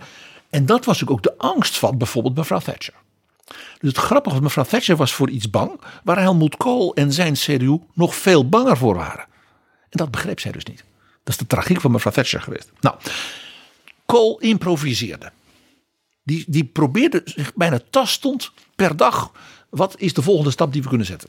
Dus hij gaat dan onderhandelen met die nieuwe half democratische regering van de DDR. En dan bezoekt hij dus als voor het eerst formeel als kansler het buurland DDR. Wat ze dus niet erkenden voorheen. Dat is toch fascinerend. En dan bespreekt hij dat ook niet in Berlijn. Want dat, op het hoofdkantoor van de, van de partij, dat was wel al te veel. Wat was trouwens, wat was dan, als je het land DDR niet erkent, hoe praat je daar dan over? Wat was de naam die ze gaven aan die entiteit? Ehm, heel lang noemden de Duitse media en politici het de SBZ. De Sovjetische Besatzungszone. Oké. En pas veel later is er een soort wederzijdse niet-erkenning, erkenning gekomen. En toen noemden ze het ook de DDR. Ja, want ik herinner me wel de televisiejournaals van de ARD en de ZDF en zo. Dat, daar spraken ze toch echt wel van DDR. Ja, maar ook over Oost-Berlin. Ja. ja. Of als je over het regime gemeen wilde praten, dan had je het over Pankow. Dat was de buitenwijk van Oost-Berlijn. Waar dus het regime uh, helemaal afgezonderd van het volk. In hele luxe villa's. Daar was in die tijd trouwens ook een liedje over. Dat heette Zonderzoek naar Pankow. En nu snap jij waarom. Een speciale trein naar Pankow. Pankow was het begrip dus voor. Dat betekende het regime dat er goed van leefde. Terwijl de gewone man natuurlijk armoede had. Ja, en, en dat, was een, dat, was een liedje, was. dat was een liedje dat zelfs in Nederland in de tipperaden terecht kwam. Kun je nagaan, laten we even een klein stukje luisteren. Entschuldigen Der Sonderzug nach Pankow? Ich muss mal eben dahin, mal eben nach Ostberlin. Ich muss da was klären mit eurem Oberindianer. Ich bin ein Jodeltalent und will das spielen mit einer Band. Ich hab ein Fläschchen Cognac mit und das schmeckt sehr lecker. Das schlürfe ich dann ganz locker mit dem Erich Honecker. Und ich sag, ey Honey, Republikpalast, wenn ihr mich lasst. All die ganzen Schlageraffen dürfen da singen, dürfen ihren ganzen Schrott zum Vortrage bringen. Nur der kleine Udo, nur der kleine Udo, der darf das nicht und das verstehen wir nicht. Ich weiß genau, ich habe furchtbar viele Freunde in der DDR. Und stündlich werden es mehr. Och, Erich, ey, bist du denn wirklich so ein sturer Schrat? Warum lässt du mich nicht singen im Arbeiter- und Bauernstaat? Ist das der Sonderzug nach Pankow? Ist das der Sonderzug nach Pankow? Entschuldigung, der Sonderzug nach Pankow? Ja, Jaap, dit was Udo Lindenberg, die nog altijd als een soort popmuzikus in Duitsland wordt gevierd. Uh, en zijn muziek mocht in de DDR gespeeld worden. In het kader van de soort, soort dooi in de tijd dat Honecker zei: de DDR is ook een leuk land, het is hier ook gezellig wonen. He, iedereen heeft natuurlijk afgeluisterd, het was ook verschrikkelijk, maar dat was een soort beeld. En dan mocht je ook West-Duitse popmuziek, niet iedereen natuurlijk. Ook een beetje in het kader van stoom afblazen, dan heb je ja. tenminste iets, iets te doen als je dat liedje zingt. Precies. Nou, Kool gaat dus naar Dresden. Daar waren de besprekingen. En dan zou hij ook dus die krans leggen voor de, de, de slachtoffers van dat vreselijke bombardement. En in de besprekingen met het regime komen ze tot het besluit dat per kerstavond er volledig vrij verkeer zou zijn tussen West- en Oost-Duitsland. Dus dat betekent dat de West-Duitse families en de Oost-Duitse families bij elkaar op bezoek konden voor Heiligabend. En dat is in Duitsland een heel, heel groot feest. Veel meer dan hier. Ja. En, de, en Weihnachten is natuurlijk een begrip, ook in de, zeker in de katholieke cultuur van Duitsland, maar ook bij de protestanten. Dus Kool die heeft, dat was een, echt een gebaar van dus die twee Duitslanden naar elkaar. Ook een beetje, we horen bij elkaar, we gaan bij elkaar op bezoek, we zijn ook elkaars familie. Dus dat was ook een heel emotioneel besluit dat je dat dus per kerst zou doen. Daarna heeft Kool dus gesproken op een podium voor de ruïne van de Vrouwenkirche. Ik zei al, een zeer beladen plek. Die dus bij dat bombardement in maart 1945 is dus de Vrouwenkirche, uh, die is niet gebombardeerd. Ja, de hele binnenstand van Dresden, maar de vrouwenkerkje stond overeind. Maar door de brand en de hitte is als het ware het beroemde dak uit de 18e eeuw gesprongen. En toen is dat helemaal in elkaar gestort. En het mooie van dat moment is natuurlijk ook dat dat een gezamenlijk beleefd historisch moment was in 1945, toen Duitsland nog een eenheid was. En dat was natuurlijk vlak voor de totale ondergang van het naziregime. Waarbij men natuurlijk hoopte dat die bombardementen voorbij zouden zijn. Toen, dit is een van de laatste grote en echt vernietigende bombardementen geweest. En Dresden was, nou, de bijnaam van Dresden uit de 18e eeuw was Elb Florence. Dus het Florence aan de Elbe. Dat was een van de allermooiste en is een van de allermooiste steden van Europa. Schitterend gerestaureerd. Met dank ook aan Helmoet Kool. En al dat geld wat de West-Duitsers hebben gestoken in het revitaliseren van het oosten. Maar Dresden behoort dus tot de allermooiste steden van Europa. En daar stond dus bijna niets meer van overeind. Behalve dus de Vrouwenkerkje. Die, met die beroemde koepel. Een soort klok is dat. En die is dus toen ingestort. En het was ook een enorm evenement, hè? die dag van die toespraak van Helmut Kool. Ja, duizenden, duizenden, duizenden mensen uit de hele DDR. Met treinen en wat dan niet naar Dresden. En Kool stond op dat podium met de premier van de DDR. En met de burgemeester van Dresden. Dat is iedereen vergeten dat het een gezamenlijk optreden was. Waren er ook weer die vlaggen met een uitgeknipt uh, midden waar zeg maar het Sovjet-symbool uitgeknipt was? Waar de DDR-wapen was uitgeknipt. Er waren ook een heleboel mensen die hadden al zeg maar West-Duitse vlaggen via hun familie. En heel veel Europese vlaggen waren er ook. Ja, wat je nu weer ziet in de Brexit-discussie. Ja, en borden, spandoeken. Die mensen konden voor het eerst in hun leven, hè, als DDR-burgers, hun gevoelens uiten, hun politieke dromen. Dat ze dus er werd Helmoet, Helmoet, Helmoet gescandeerd. En ook weer sind ein Volk hoorde je toen weer? Weer sind ein Volk. En waarom was dat? Bij die demonstraties rond de 40ste verjaardag van de DDR. Toen de mensen dus in opstand kwamen. Toen riepen ze, wir sind das Volk. Wij zijn het volk, niet jullie. Wij willen voor onszelf kunnen beslissen. Dit was eigenlijk de volgende versie van diezelfde slogan. Wir sind das Volk. En dat volk zijn nu zijn wir sind ein Volk. Laten we even luisteren naar Helmoet Kool daar bij de Frauenkirche, bij de ruïne. Und auch das lassen Sie mich hier auf diesem traditionsreichen Platz sagen. Mein Ziel bleibt, wenn die geschichtliche Stunde es zulässt, die Einheit unserer Nation.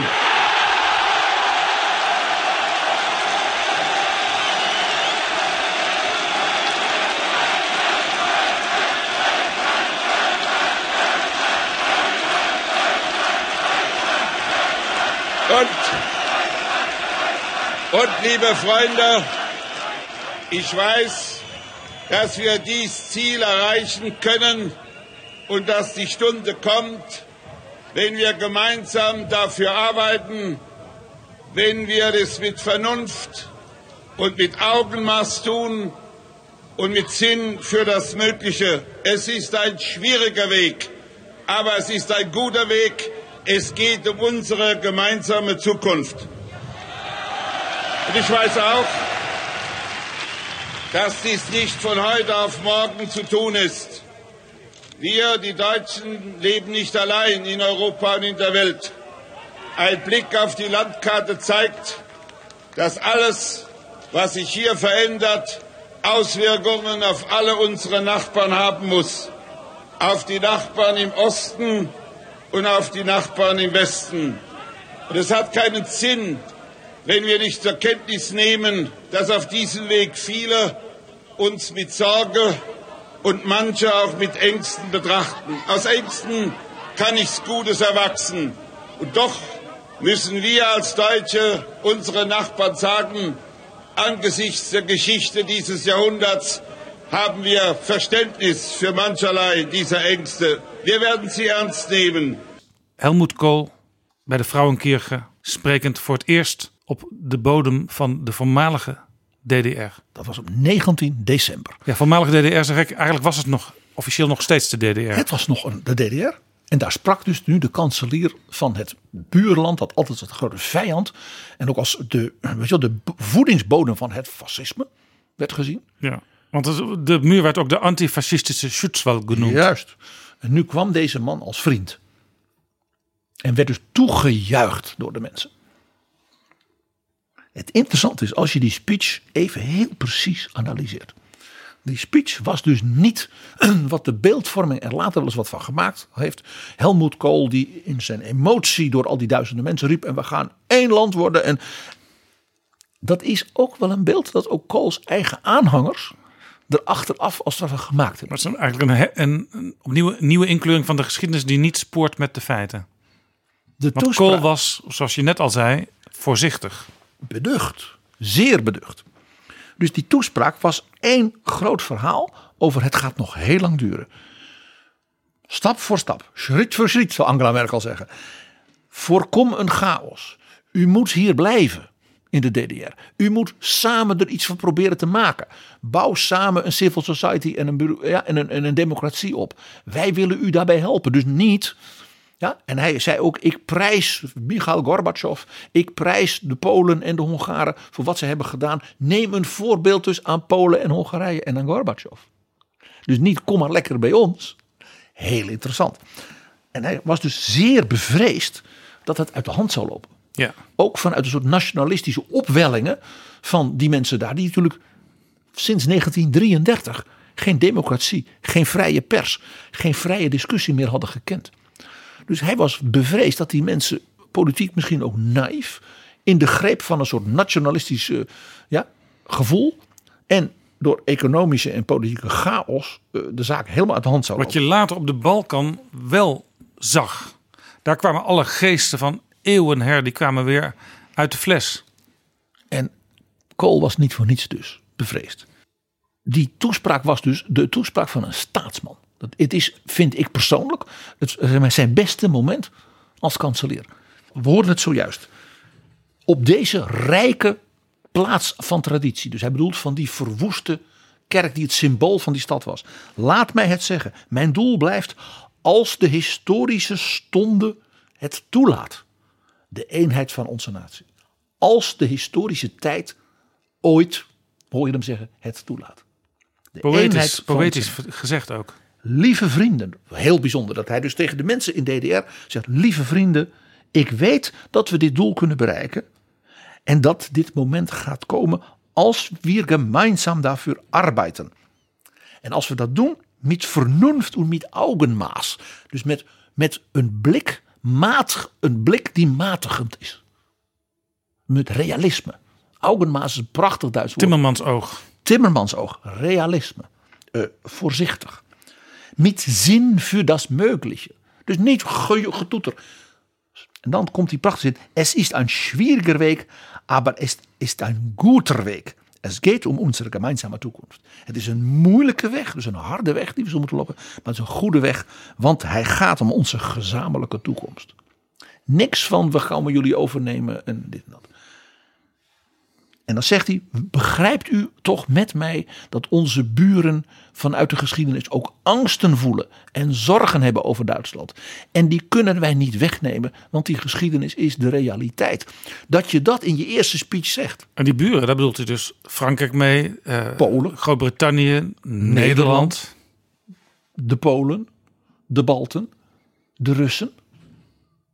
Dus hij vraagt aan die burgers van de DDR om begrip voor die buren en angsten. eigenlijk een, een soort beginselverklaring bij een roadmap die nog moet worden ingevuld voor de komende jaren, misschien wel de komende tientallen jaren.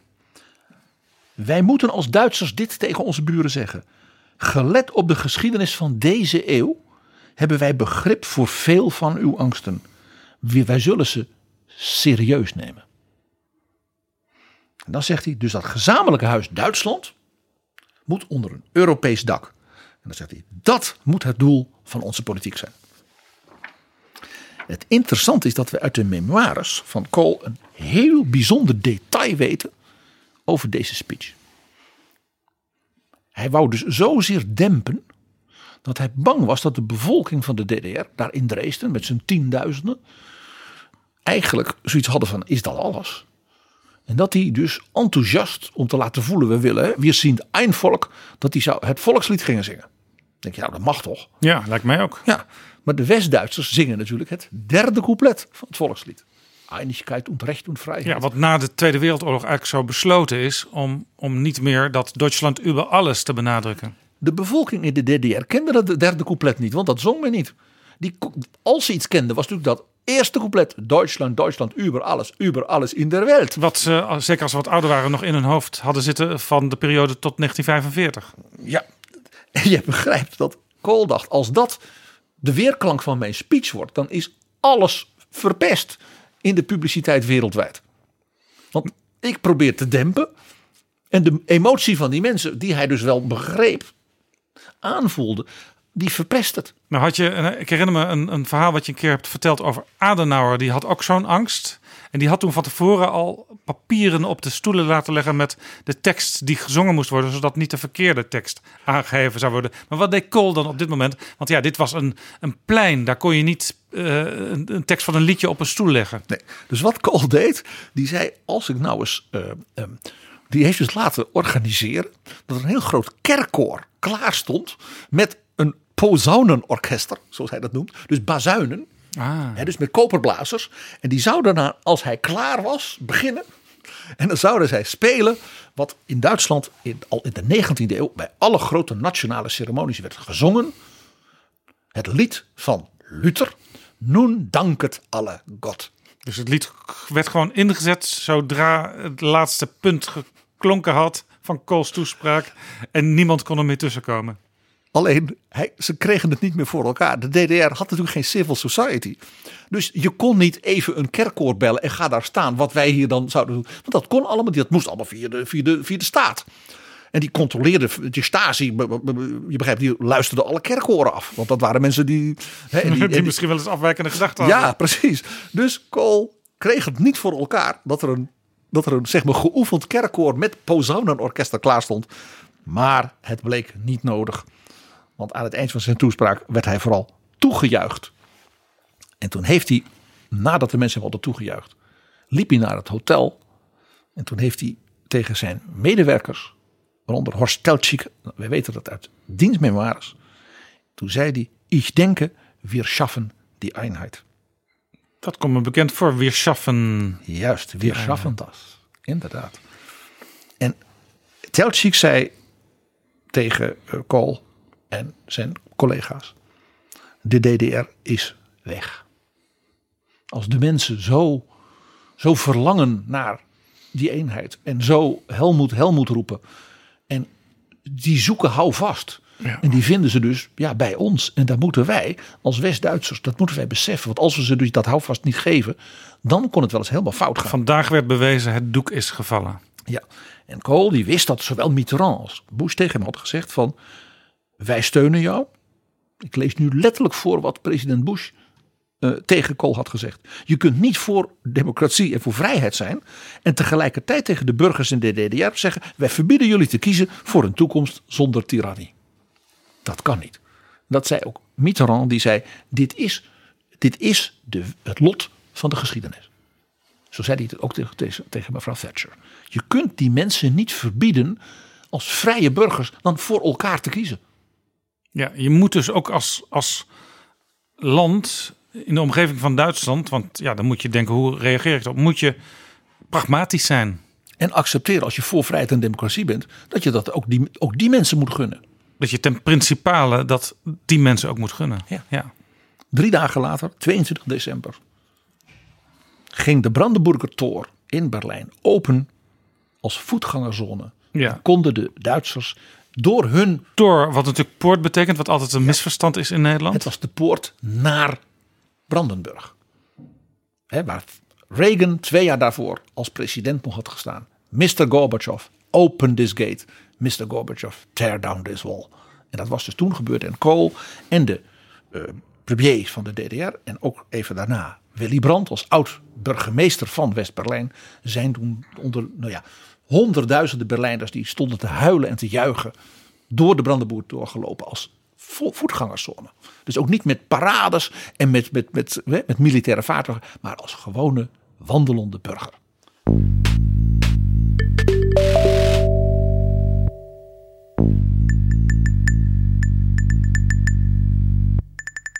Dit is Betrouwbare Bronnen. PG, aan het begin van deze aflevering vertelde jij dat je ook nog met een geheim zou komen. Wat jij al lezend hebt ontdekt. Ja, op hetzelfde moment waar we nu over praten. Dus de laatste weken van november, de eerste weken van december 1989, gebeurde er iets ongelooflijks. Het bleek dat de wereld onder de doem stond van een gigantische dreiging. Niet zijnde de atoombom, want daar waren wel afspraken over. En dat wist niemand, en ook Helmoet Kool niet. Op 27 oktober 1989 liep er in de Britse ambassade in Parijs een man binnen. Die klopt, die belde aan, die zegt: Mag ik hier binnenkomen? Ik wil met u praten. Die man, dat was Vladimir Pasechnik. En die vertelde: Ik wil mij overgeven. Ik wil overlopen, zou je kunnen zeggen. En ik wil de geheime dienst alles vertellen wat ik weet. Wie was Vladimir Pasechnik?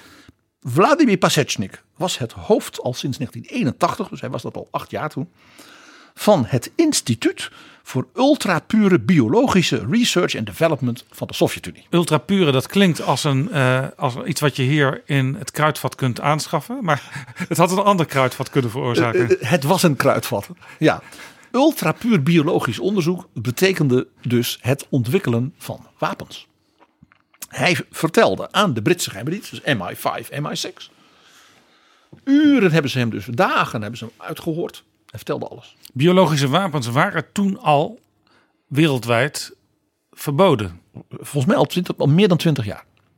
Hij vertelde dat de Sovjet-Unie een gigantisch programma had voor het bouwen en onderhouden en zelfs exploiteren en dus mogelijk ook gebruiken van biologische wapens. Want biologische wapens, daar kun je bijvoorbeeld ziektes mee verspreiden op een massale manier. Ja, eh, met name longpest, nou het woord zegt het al, eh, was zo perfect ontwikkeld. De ziekte daarvoor dat je die kon uitstrooien als het ware over Europa of over Amerika. En dat in enkele dagen een paar honderd miljoen mensen gewoon dood waren.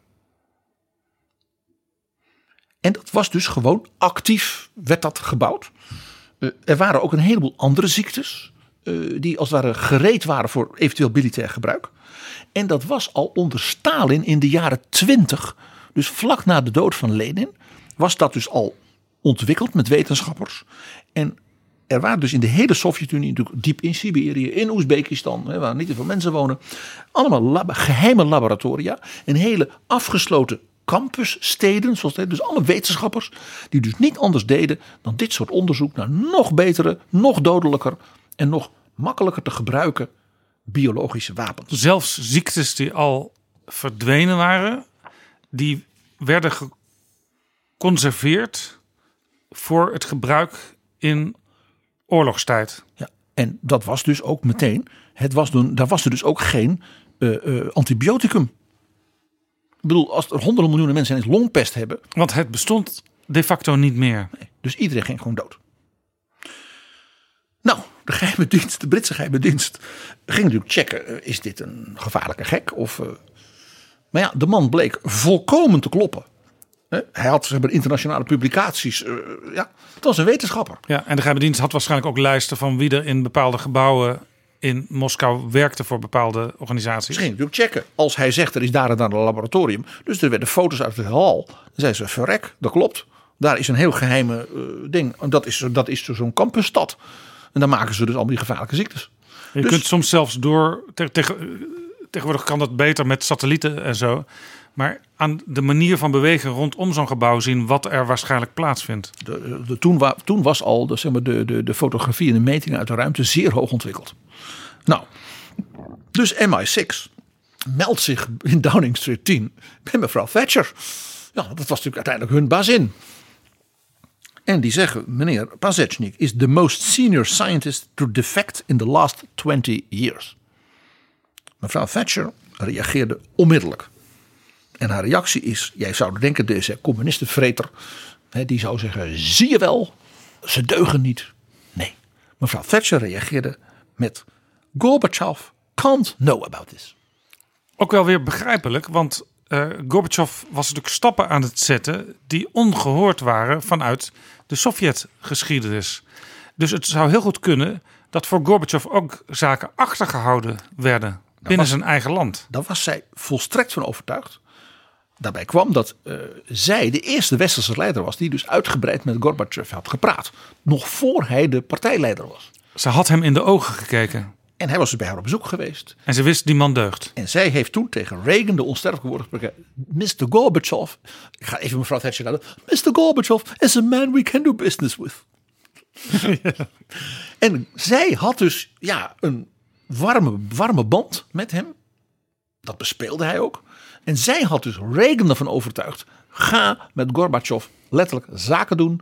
Probeer met hem te praten. En dat leidde dus tot allerlei ontwapeningsakkoorden. Dus Reagan beschouwde ook Gorbachev als een soort persoonlijke vriend met wie hij natuurlijk geschiedenis had geschreven. Dus Thatcher wilde niet geloven dat Gorbachev hiervan had geweten. De geheime dienst van de Britten zei: Ja, mm, premier, eh, uw zo openhartige en vriendelijke vriend met wie u zoveel gesprekken voert. eh, wij hebben hier van meneer Pasechnik gewoon de bewijzen. Ik lees nu voor wat ze haar hebben gezegd.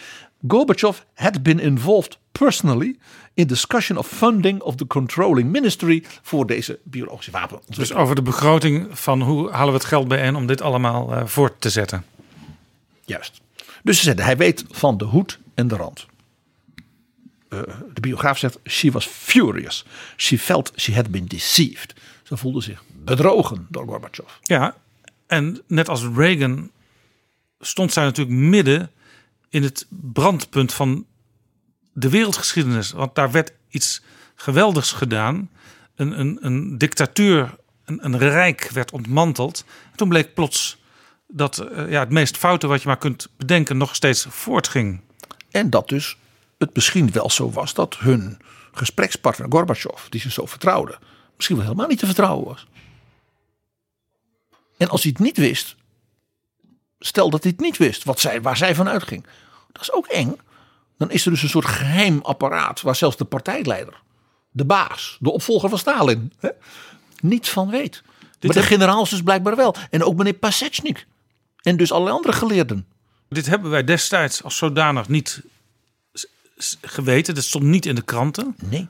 Wa- Waar, waar haal jij dit nu vandaan? Dit komt dus uit, die, uit dat boek van Condoleezza Rice. Die vertelt dit. En uit het boek van Charles Moore over mevrouw Thatcher. En daar is dit dus een van de grote onthullingen in. Dat mevrouw Thatcher dus als eerste werd geïnformeerd, als eerste wereldleider.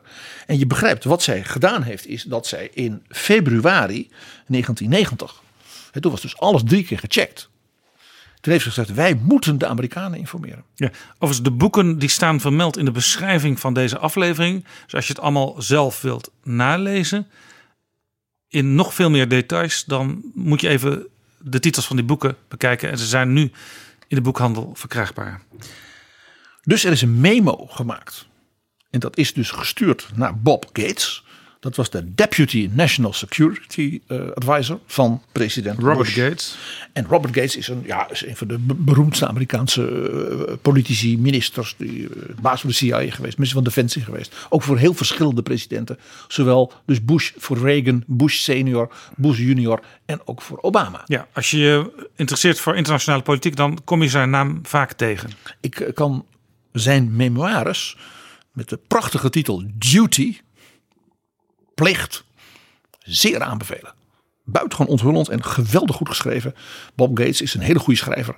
Is onder andere ook collegevoorzitter van een belangrijke universiteit geworden. Dus ook als wetenschapper. eh. Nou, dus wat doet Bob Gates? Die informeert natuurlijk president Bush en James Baker. eh, Bush zijn beste vriend en minister van Buitenlandse Zaken. De briljante diplomaat en politicus. En ja, die zaten natuurlijk met een enorm probleem. Eigenlijk met hetzelfde probleem waar Thatcher mee zat. Dus die gingen met elkaar bellen. Dat kun je je voorstellen. Dit is echt waar. Het is echt waar. Jemig. Ja. Eh, Met name dus James Baker. Dat was eh, ja, eh, ik al een briljante diplomaat en politicus. En die, die lieten ze het denkwerk doen. Wat moeten wij hiermee doen? En hij, hij zei, ja, als wij nou Gorbachev onder druk gaan zetten. Zeggen, jij hebt ons bedrogen. We vertrouwen jou niet meer. Dus we gaan al die eh, akkoorden die we met jou willen sluiten, nou, die gaan we voorlopig eens even stilleggen. Dan gaan we dus in Oost-Europa, bij die mensen in de DDR, Helmut Kool, de Polen, de Roemenen, die schrikken zich natuurlijk helemaal rot. En die hebben juist die oriëntatie nodig. Dat weten we van Kool, zijn toespraak in Dresden. Ja, die mensen hebben houvast nodig, die moeten weten waar ze naartoe kunnen. Ja. En als wij dus de zaak gaan platleggen. Maar ja, aan de andere kant, we, zullen, we moeten ook eerlijk zijn. Het is dus waar. En Gorbachev weet daar misschien wel van. Ja, wat te doen was de vraag. De consequenties voor de wereld waren dus enorm. Uh, Philip Zelikow, de co-auteur en toen ook collega van Condoleezza Rice bij de National Security Staf van het Witte Huis. Die zei dus in, uh, zegt in dat boek, was dit naar buiten gekomen, had dit alles overrompeld in de relaties van Amerika en de Sovjet-Unie. En wat allemaal op dat moment in Europa gebeurde. It would have been dynamite. Nou, het feit dat hij dat na jaren nog zegt, dynamite. James Baker, die zei ja, stel nou dat wij Gorbachev gaan waarschuwen dat we dit weten. Wij moeten ook dan nadenken. Die man dacht dus echt, echt wikken en wegen. Die zei, wat gebeurt er dan in het politbureau? Gorbachev moet dan aan het politbureau melden, ze weten ervan. Ze zetten ons onder druk. Wij kunnen wel ontkennen, maar hij zegt dan komt Gorbachevs positie misschien in dat politbureau ook in gevaar. En wij hebben er geen belang bij dat Gorbachev ten val komt. Ja, tot dan toe ging alles goed. Ja. Maar hier was een enorme kink in de kabel. Ja. Dus zoals uh, weet die, uh, Baker dus zei tegen de president en tegen zijn mensen als Rice, maar ook tegen Thatcher. Er zijn hier twee tamelijk strijdige doelen van beleid. En wij zullen dus een keuze moeten maken. Ja. Waarop mevrouw Thatcher zei: Ik kom naar de president. De president zei: Dan ga ik vissen in Bermuda. Het is niet op het Witte Huis, een beetje low-key, alsof ze op vakanties even met elkaar gingen praten. Maar dat was hierom. Dat mocht ook niemand weten. En ja, ze bespreken de situatie. En ja, zij zegt: Ik vind James Baker ook een briljante man. Maar ja, dat is echt een Texaanse advocaat voor, voor qua zaken. Uh, die wikt en die weegt. En die Thatcher zei, maar niet te voorzichtig hoor. Wij zullen Gorbachev moeten confronteren. Dit is een inbreuk op de belangrijkste verdragen die er is. En als dat zomaar kan. Zij had inmiddels natuurlijk al wat langer over na kunnen denken. Ja, dus president Bush zei, ja, ik ben ook zeer verontrust. Dat weten we uit stukken, letterlijk. Ja. En die heeft toen iets heel slims gedaan. Die heeft Baker afgestuurd op zijn collega, minister van Buitenlandse Zaken van de Sovjet-Unie, Eduard Shevardnadze. Dus de rechterhand van Gorbachev. Ja. Dat gaf hem dus een soort, wat de Amerikanen noemen, plausible deniability. Ja, en Shevardnadze, uh, dat was iemand die ook zeer uh, in aanzien stond in het Westen. Want dat was ook het menselijk gezicht, zou je kunnen zeggen, van die in verval geraakte Sovjetstaat. Hij was met de Gorbachev een groot hervormer. En Shevardnadze die zei tegen Baker: onzin. Gewoon helemaal niet waar. Dat was interessant. Dus toen kwam de vraag terug: weten ze dit eigenlijk wel? Is er misschien dus toch een soort geheim stuk Sovjet-Unie, waar zelfs de leider niet van Ja, de oorspronkelijke gedachte ook van Thatcher. Ja. Dus toen dachten ze: we moeten de druk opvoeren, maar we moeten het onderhuids houden. Het moet niet ontploffen. Dus toen hebben ze de gezamenlijke ambassadeurs van Amerika en Engeland, die zijn samen op bezoek geweest op het Kremlin. Dat doen ambassadeurs nooit. Nee, die gaan altijd bilateraal in gesprek. Dus met z'n tweeën, met één memo. Om dus aan te geven, dit is heavy shit. Om maar even goed te zeggen. Hè? De rechterhand van Gorbachev, meneer Tschernayev, die hoort dat aan met twee, drie ambtenaren. En die zegt, ja, ja, u zegt dat nou. Ja. Nee, wij weten die meneer Pasechnik, we hebben gemerkt, die is overgelopen in Parijs tijdens een conferentie. Ja, ons verbaast dat niet zo. Die man, dat is ja, een professor en die is een beetje geestelijk van de weg. En het is gewoon een gek. Ja. Dus ja. Wat eigenlijk een, een, een standaard uh, Sovjet-reactie is op mensen die afwijken van de lijn. Ja. Dus dat werd door die ambassadeurs gemeld aan president Bush, aan James Baker en aan Thatcher. Waarop mevrouw Thatcher, helemaal mevrouw Thatcher, was. Dit, was dit, was, dit was zij natuurlijk op haar beste momenten. Die zei: Ik ga toch over twee weken op bezoek in het Kremlin. Dus ze zei tegen Bush: Laat mij maar even. Ze had ook die warme band met Gorbachev. En zij zegt van, ik ga wel met Gorbachev praten. Bush zei, oh dat komt goed uit. Want een paar dagen daarvoor is hij bij mij in Washington. En ik ga in Washington dus heel voorzichtig, onderkoeld aan de orde stellen. En Margaret, als jij er dan even een week later hè, met handbagging Ja. overheen gaat. Misschien dat er dan beweging komt. Bush meldt aan mevrouw Thatcher. Ik heb het voorzichtig aan de orde gesteld. En Gorbachev zegt, nee, dat is helemaal niet waar. Hij zegt, die ontkent het glashard. Was natuurlijk ook al door Shevardnadze gebriefd van dit kan er aankomen binnenkort. Natuurlijk. Dus mevrouw Thatcher die bespreekt dit met Gorbachev en die zegt, niks van waar. Heb ik de president ook al gezegd. Waarop mevrouw Thatcher zegt, maar u heeft van de president uit de hand van James Baker een uitgewerkt memorandum hierover gehad. Ja, zegt Gorbachev, ja, ah. Dat was dus een briljante manoeuvre van Van. Niet de president, niet mevrouw Thatcher. Hij als minister gaf aan Gorbachev een memorandum. En hij had gezegd, we gaan gewoon alles opschrijven wat we weten. Van Pasechnik, van die foto's dat ik al. We vertellen Gorbachev alles. Want als het zo is dat hij het niet weet. Dan weet hij dat hij op ons kan rekenen. Ja. A, dat we het weten. En B, dat we hem niet kapot willen maken. Nee, want anders ga je als in een salami-tactiek steeds nieuwe schijfjes informatie geven. Dit was zeer gedurfd. Waardoor iemand helemaal eh, de put in wordt getrokken. Andere kant. Baker was niet voor niks die ongelooflijk slimme Texaanse advocaat. Hij zei, stel dat hij het wel weet. En voortdurend roept, nee, is allemaal niet waar. Die vinden ze gek. Dat houdt hij nog wel een tijdje vol natuurlijk. Maar één ding. Hij weet dat wij het weten. Dus in beide situaties is het een plus als wij Gorbachev in een, ja, in een kort memorandum met bijlage gewoon alles vertellen. Zeer gedurfd. Ja. En Gorbachev weet ook dat het nog steeds een heel kleine kring maar bekend is. En dat hij dus moet handelen. Exact. En dat hij, met, dat hij daardoor ook gezichtsverlies kan voorkomen. Precies. In november 1990, dus een paar maanden daarna, was er een grote topconferentie in Parijs. Gastheer François Mitterrand. Het was tenslotte ook eh, de periode van de viering van de Franse Revolutie, 200 jaar. Weet je nog, met Jessie Norman, die de Marseillaise zong. Hè, op dat klein, geweldige operazangeres. En bij die top in Parijs waren alle wereldleiders, want daar werd het einde getekend van de Koude Oorlog.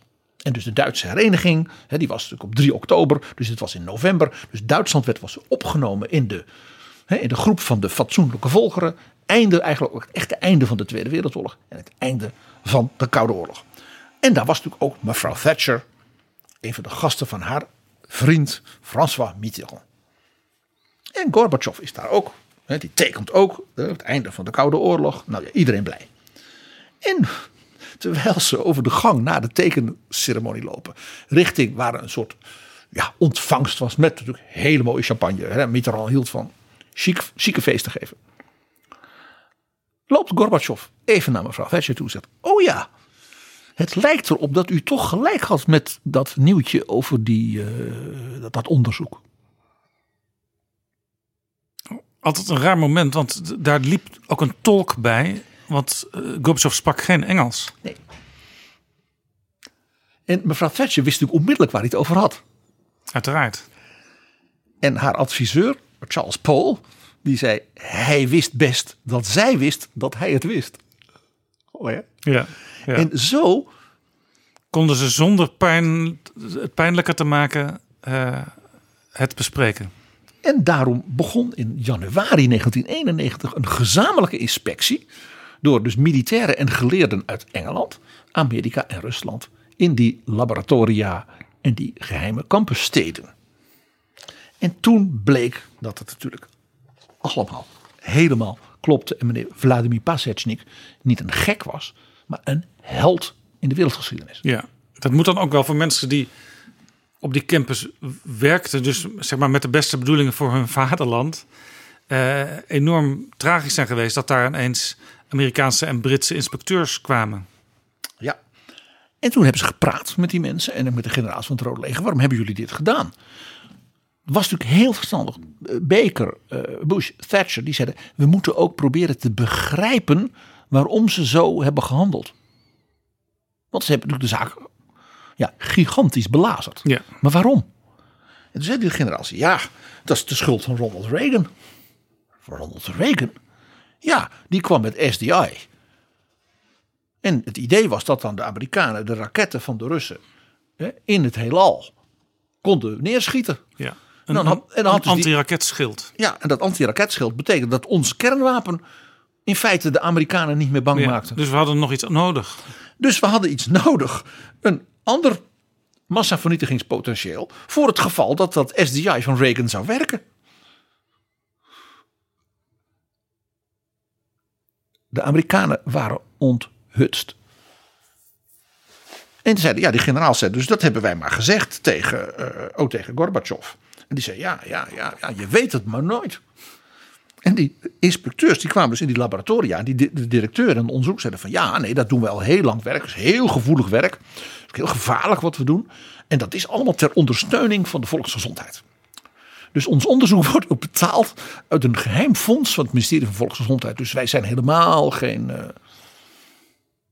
Nee. dus het was dus een enorm soort ja, verhaal rondom. Dus een militair verhaal en een soort wetenschappelijk verhaal. Wat ze elkaar dus eh vertelden. Ja, terwijl jij straks vertelde dat er eigenlijk al in de Stalin-tijd wa- was dit soort spul er ook al wel. En SDI, daar was Reagan meegekomen met, met zijn toespraak. Dat was nog heel recent. In 1983. Precies. Nou, uiteindelijk heeft, heeft men besloten hiermee te stoppen. En in 1992 heeft president Yeltsin, Boris Yeltsin van Rusland, de Sovjet-Unie bestond niet meer. De opvolger van Gorbachev. Ja, heeft dus met Amerika en de Engelsen, want die, die weer mochten het weten, een verdrag getekend. Waarbij de Engelsen en de Amerikanen van de Amerikanen hielpen met het vernietigen van, dit, van al die voorraden. Natuurlijk verschrikkelijk gevaarlijk spul. Eh, en dat hebben de Amerikanen grotendeels betaald. Toen heeft men dus ook, ja, eh, Yeltsin had er geen enkel probleem mee om te vertellen eh, hoe het echt zat. En eh, dat Gorbachev van niks wist, eh, wat mevrouw Thatcher dus haar hele leven heeft geloofd. Die wilde niet weten, maar haar onderminister William Waldegrave, die dus druk had gezien, die zegt dus in dat boek over Thatcher: Gorbachev was lying through his teeth. She didn't want to hear that at all. Ja. Het bleek dat Gorbachev in 1986 als nieuwe partijleider, vlak voor de ontploffing van de kerncentrale in Tsjernobyl, wat natuurlijk ook een voorbeeld was van geheime dingen die, die ze probeerden ge- geheim te houden, een nieuw vijfjarenprogramma had getekend, dus met het politbureau, voor nog meer R&D en productie van dat soort biologische wapens. En de dag nadat die twee ambassadeurs samen dus bij hem op bezoek waren geweest in het Kremlin, zeggen alstublieft, neem dit serieus. Dat hij "Nou, niks aan de hand. Dat hij een update had gevraagd van de staf van het politbureau. Hoe staat het daarmee? En ze hadden gezegd, nou het gaat ontzettend goed. We hebben twaalf recepten, dus twaalf andere verschrikkelijke ziektes waar we mee kunnen rommelen. En de productie van, let op, actieve ingrediënten in industriële faciliteiten, daar gaat het goed mee. Hij wist dus donders goed wat er aan de hand was. Die aardige Mikhail Gorbachev. Juist. Hij was nu toch ook gewoon de leider van een tyrannieke supermogendheid. Hij was een gelovige Leninist. Hij wou wel dat Stalinisme en al die. Ja, daar wou, hij wou wel meer. Hè, glasnost, openheid. Maar het bleef natuurlijk gewoon wel een communistische heerser. Net als Deng Xiaoping, waar ik ook altijd eh, graag over vertel. Ongelooflijke, ongelooflijke hervormer. gedurfde. hè, China heeft heel veel aan te danken. Maar heeft die studenten wel allemaal overhoop laten schieten. Ja. Het natuurlijk toch een communistische dictator. ja, en bij de Sovjet-Unie en bij Gorbachev zag je dus dat op een gegeven moment de ontwikkelingen eh, met hem op de loop gingen. Ja. En dat de mensen in Baku gingen demonstreren en in Riga. En dat hij met al zijn macht en zijn biologische wapens de, de, de, de, de vrijheidsdrang van de Europese burgers, want dat zijn deze mensen ook, hè, de Balten en de Oekraïners, niet kon tegenhouden. Dit bleef dus allemaal geheim. De onderhandeling over de Duitse hereniging en de ontwapening gingen dus gewoon door. En dus door deze briljante aanpak van met name ook James Baker en, en, en Bush en eh, Thatcher, is de wereld dus verlost van een van de meest vreselijke dreigingen. Eh, denk aan de dodelijke epidemieën die hieruit hadden kunnen ontstaan. Dit eindigt overigens met een buitengewoon bitter detail. Dit hele verhaal. En dat is recent. Ik herinner, op 27 oktober 1989 liep Vladimir Pasechnik over in Parijs naar de Britse ambassade. Ja. En kreeg toen dus een nieuw leven in Engeland. En in 2001 is hij plotseling overleden. En hij was toen net begin 60. Twaalf jaar later. Gezond. Twaalf jaar na het overlopen. Ja. En zijn zoon vreest nu. Toen hebben ze ja, hun vader begraven, verdrietig en daar verder nooit bij stilgestaan. Plotseling ziek. eh, Maar nu, nu- weten we dat de voormalige Sovjets, de Russische regering, mensen in opdracht van die regering, bijvoorbeeld eh, de dubbel, voormalige dubbelspion Skipral hebben willen vergiftigen eh, en zijn dochter. En onlangs in Duitsland is de Georgiër Shangoshvili vermoord. Ook in opdracht van de Russische regering. En daar zat ook weer gif bij. En denk eens aan Sergei Magnitsky die in zijn gevangeniscel plotseling stierf. Naar wie nu wereldwijd de Magnitsky-wetten genoemd worden.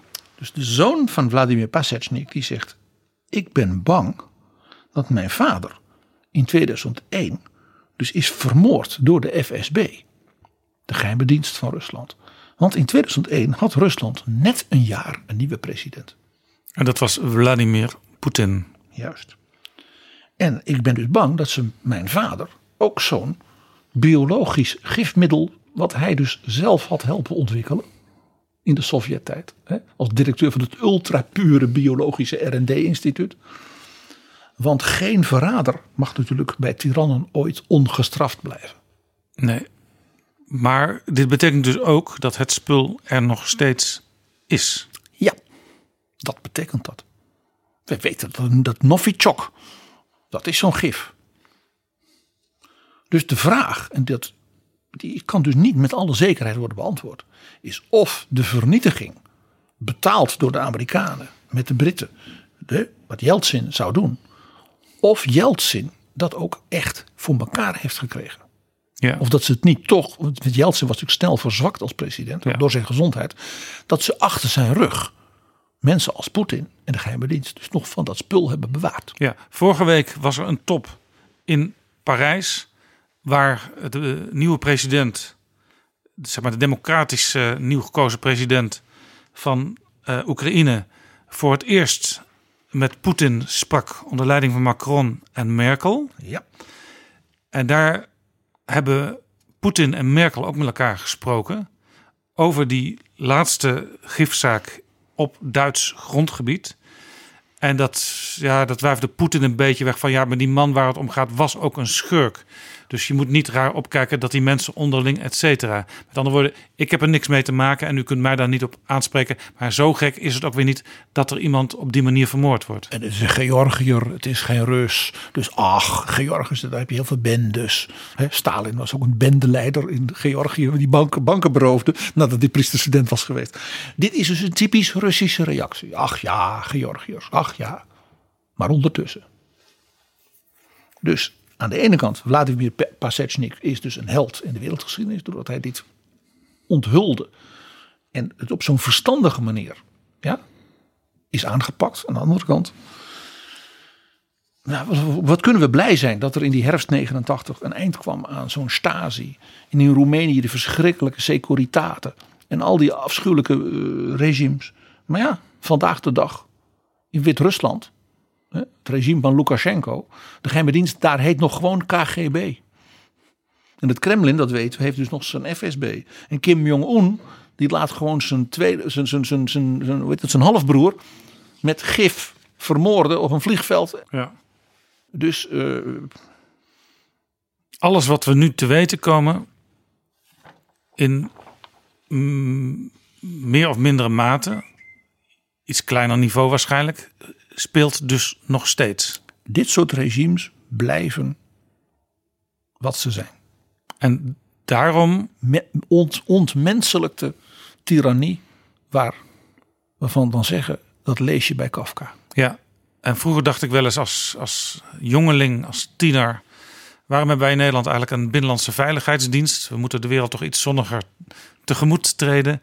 Maar geheime diensten zijn dus wel degelijk nuttig, want dan kom je op een gegeven moment achter dit soort dingen. Weet je nog hoe Anne Applebaum vertelde hoe ongelooflijk genoten ze had van die Nederlandse generaal en die Nederlandse minister die toen ze die Russen op heterdaad hadden betrapt bij de OPCW, dat ze zaten te hekken.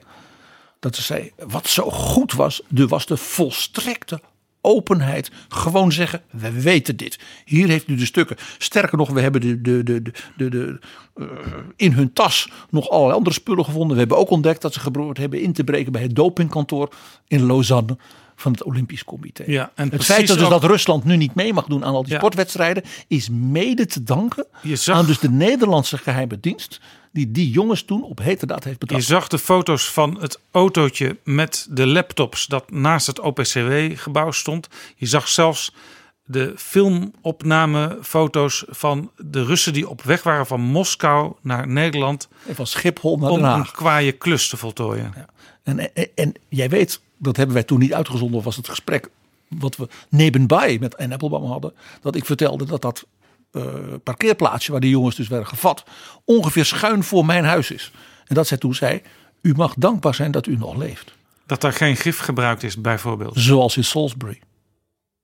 En zoals dus misschien ook wel met Vladimir Pasechny. Dan hadden we nu geen betrouwbare bronnen meer gehad. Dan hadden we geen betrouwbare bronnen gehad.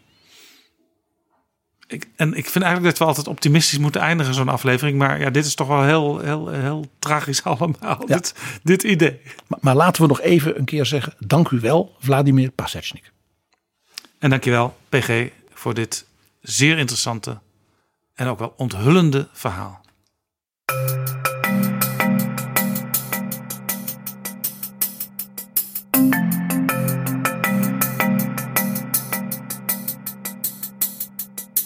Zo, dit was Betrouwbare Bronnen aflevering 72. Een verwijzing naar de drie eerdere delen in deze serie over de val van de muur kun je vinden in de beschrijving van deze aflevering. Tot volgende keer. Ich grüße hier von Dresden aus alle unsere Landsleute in der DDR und in der Bundesrepublik Deutschland.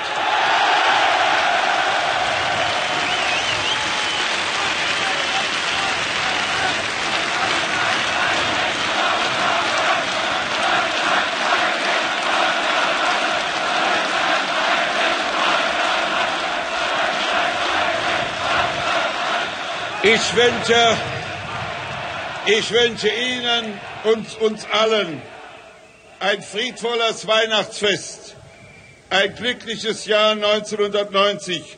Gott segne unser deutsches Vaterland.